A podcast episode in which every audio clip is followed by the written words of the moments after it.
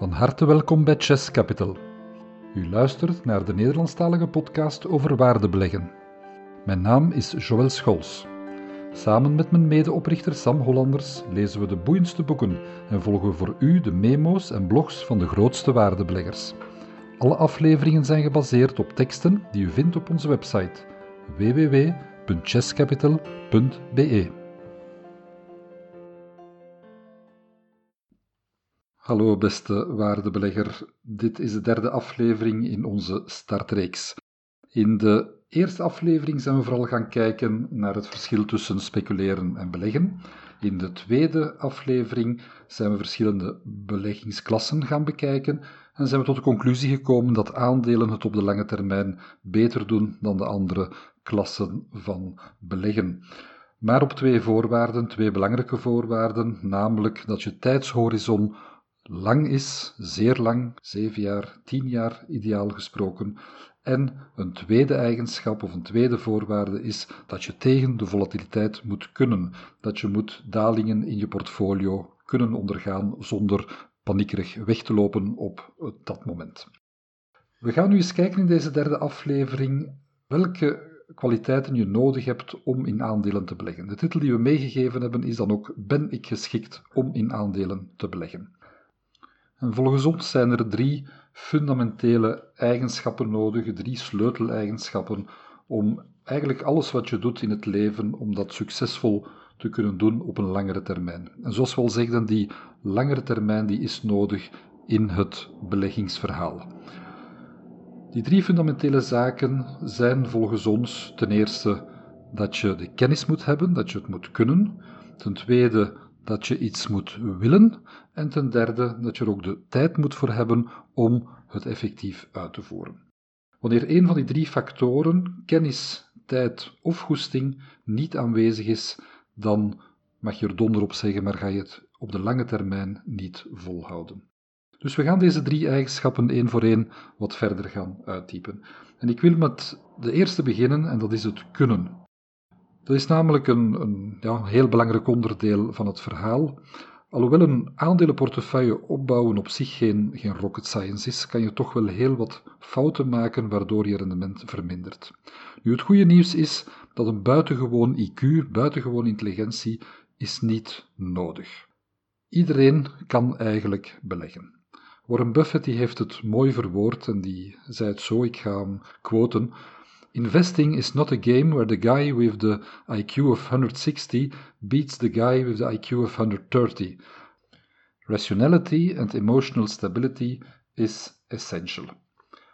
Het volledige interview waar deze quote uitkomt met CNBC kan je vinden op onze website in het uitgeschreven artikel. Daar hebben we de link toegevoegd.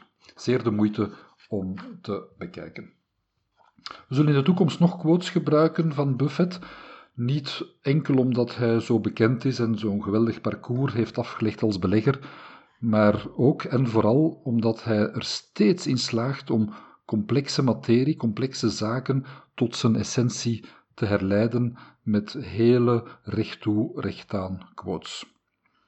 Tot zover het goede nieuws. Gewoon slim zijn is voldoende. Je hoeft niet buitengewoon slim te zijn. Het delicatere onderdeel van datgene waar hij over spreekt, dat is die emotionele stabiliteit.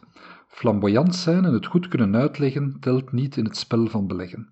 Het rationeel, cijfermatig denken, de emoties uitschakelen, beredeneerd wachten op je prooi, de koele kikker uithangen, dat zijn allemaal eigenschappen die veel meer van tel zijn. Een vleugje statistiek, wiskundig inzicht in modellen en dergelijke, waarschijnlijkheidsleer, dat zijn zaken die geen kwaad kunnen en die je best ook wat kunnen helpen om je op de goede weg te helpen en vooral om fouten te gaan vermijden. Het profiel van de ideale belegger is dus toch lichtjes anders dan de eigenschappen die onze voorouders nodig hadden om te overleven in de savanne. En precies dat emotioneel deel van onze hersenen, dat zeer nuttig is in veel situaties, zoals het wegvluchten voor een naderende leeuw, dat stelt ons precies voor grote uitdagingen bij het beleggen. Over dit boeiend onderwerp zijn prachtige boeken geschreven, boeken die beleggers volgens ons dienen te lezen. in onze boekenkast, en je kan die op de website ook terugvinden, daar kan je dus verschillende klassiekers vinden. Eén daarvan, Thinking Fast and Slow van Daniel Kahneman, dat is toch wel een aanrader. Die man als psycholoog heeft hij dus de Nobelprijs Economie gewonnen. Dat kan uh, wel tellen. En dus die kennis over de psychologie van het beleggen, die is volgens ons zeer fundamenteel en die moet je zeker en vast opdoen. Het opbouwen van kennis is ook een werk van lange adem. En ik hou mijn hart vast wanneer jonge, enthousiaste kerels met, met heel veel competentie een succes boeken, zo in de zin van, kijk eens, mijn Tesla-aandelen zijn verdubbeld op twee maanden tijd, ja, dus niet uh, ondenkbaar. En dan denken ze al gauw dat ze de magie in de vingers hebben. Maar bedenk dat er iets is wat nog gevaarlijker is dan de kennis niet hebben. Dat is namelijk het verkeerdelijk denken dat je de kennis wel hebt. En ja, dat gevaar dat moet toch wel onder ogen gezien worden. En het beste wat je kan overkomen bij de start van een carrière in de aandelen, of het nu professioneel of hobbymatig is, dat is eens goed op je bek gaan. Liefst met niet te veel kapitaalverlies. Want zo bouw je een ruggengraat op die je gaat sterker maken, waar, waar je kan op terugvallen in de toekomst. Lezen over de fouten die de grootste beleggers gemaakt hebben, is ook een manier van leren. En ze is veel minder kostelijk. Dus dat is ook een stevige aanrader. Ik ga een kleine anekdote vertellen uit een totaal andere leefwereld van mij. Zo ben ik namelijk ook een enthousiast zeiler. En een van de beste boeken die ik gelezen heb over zeilen heeft als titel Total Loss van Jack Coot. En waarom is dat zo'n interessant boek? Wel, omdat je kan lezen hoe het niet moet. En zonder fouten zelf te maken, kan je 45 situaties bestuderen van fatale vergissingen, dus allemaal vergissingen waarbij zeilboten zijn vergaan, en zo leer je om die fouten zelf te vermijden, of tenminste om te gaan zien wanneer die vergissingen zich kunnen gaan voordoen en op die manier preventief te werk te gaan. Tot zover het stukje over kennis. Ik wil het ook hebben over het tweede aspect, namelijk de tijd. Tijd die je nodig hebt om te investeren in de boeiende wereld van het beleggen. En tijd heeft alles te maken met de prioriteiten die je voor jezelf stelt en de manier waarop je het beleggen aanpakt. Is beleggen je hobby geworden na het lezen van deze artikelen of het beluisteren van de podcast? Prima, heel goed, dan zal je met plezier tijd maken voor je hobby. En die tijd zal je nodig hebben om die vele boeken te lezen over het onderwerp, om de kennis op te doen die nodig is om succesvol te beleggen. Je zal niet enkel veel dienen te lezen over de beleggingsprincipes, maar ook over bedrijven, de sectoren, de holdings die je wilt gaan opvolgen.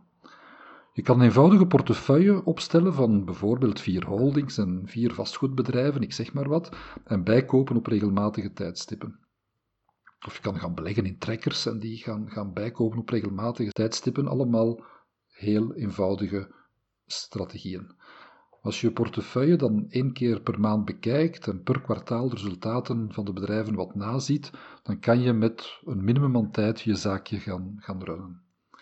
Maar ga je voor een strategie van een twintigtal aandelen, die je selecteert volgens principes van kwaliteit, prijs, groeipotentieel en dergelijke, dan zal je toch veel verder, veel dieper moeten gaan graven, zodat het een voltijds hobby dreigt te worden. Je dient dan ook jaarverslagen te gaan lezen, artikelen die de, over de CEO bijvoorbeeld geschreven zijn, artikelen over de concurrenten van de bedrijven die je, die je opvolgt en in portefeuille hebt. En je gaat je veel breder moeten informeren over industrietrends. Heel wat succesvolle beleggers zijn op deze manier dagelijks met hun mooie hobby bezig. Maar dat is een keuze die iedereen voor zich te maken en ze hangt nauw samen met het derde thema. De hoeveelheid tijd die je hebt hangt namelijk samen met de goesting. Dat is ons derde thema. Je moet de goesting ook hebben om te lezen. Dat is niet aan iedereen gegeven. De goesting om sectoren te analyseren, de goesting om jaarrekeningen te doorgronden. En die goesting die heb je of die heb je niet. Wanneer je doelstelling zich beperkt tot de groei van je kapitaal, en je bekijkt de bedrijven niet als bedrijven, maar als tickers, codes op een koersenbord die omhoog gaan en omlaag gaan, en het boeit je niet echt waar dat onderliggende bedrijf mee bezig is, ja, dan hou je dat niet vol en dan ben je eigenlijk een ander spel aan het spelen dan het beleggen. En dan ga je dus dat spel, zoals ik al zei, niet volhouden. En dan ga je niet tot de resultaten komen die nodig zijn. Want zoals al gezegd, beleggen is een spel van lange adem.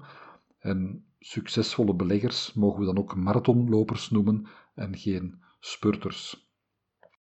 Dus kort samengevat, wat hebben we gezien in deze podcast? Je hebt een goede basiskennis nodig van de psychologie van het beleggen. Je dient daar boeken over te lezen, maar je dient ook kennis op te doen over jaarrekeningen, wat cijfermatig inzicht te hebben, niet super intelligent te zijn, maar wel een goede basiskennis te hebben.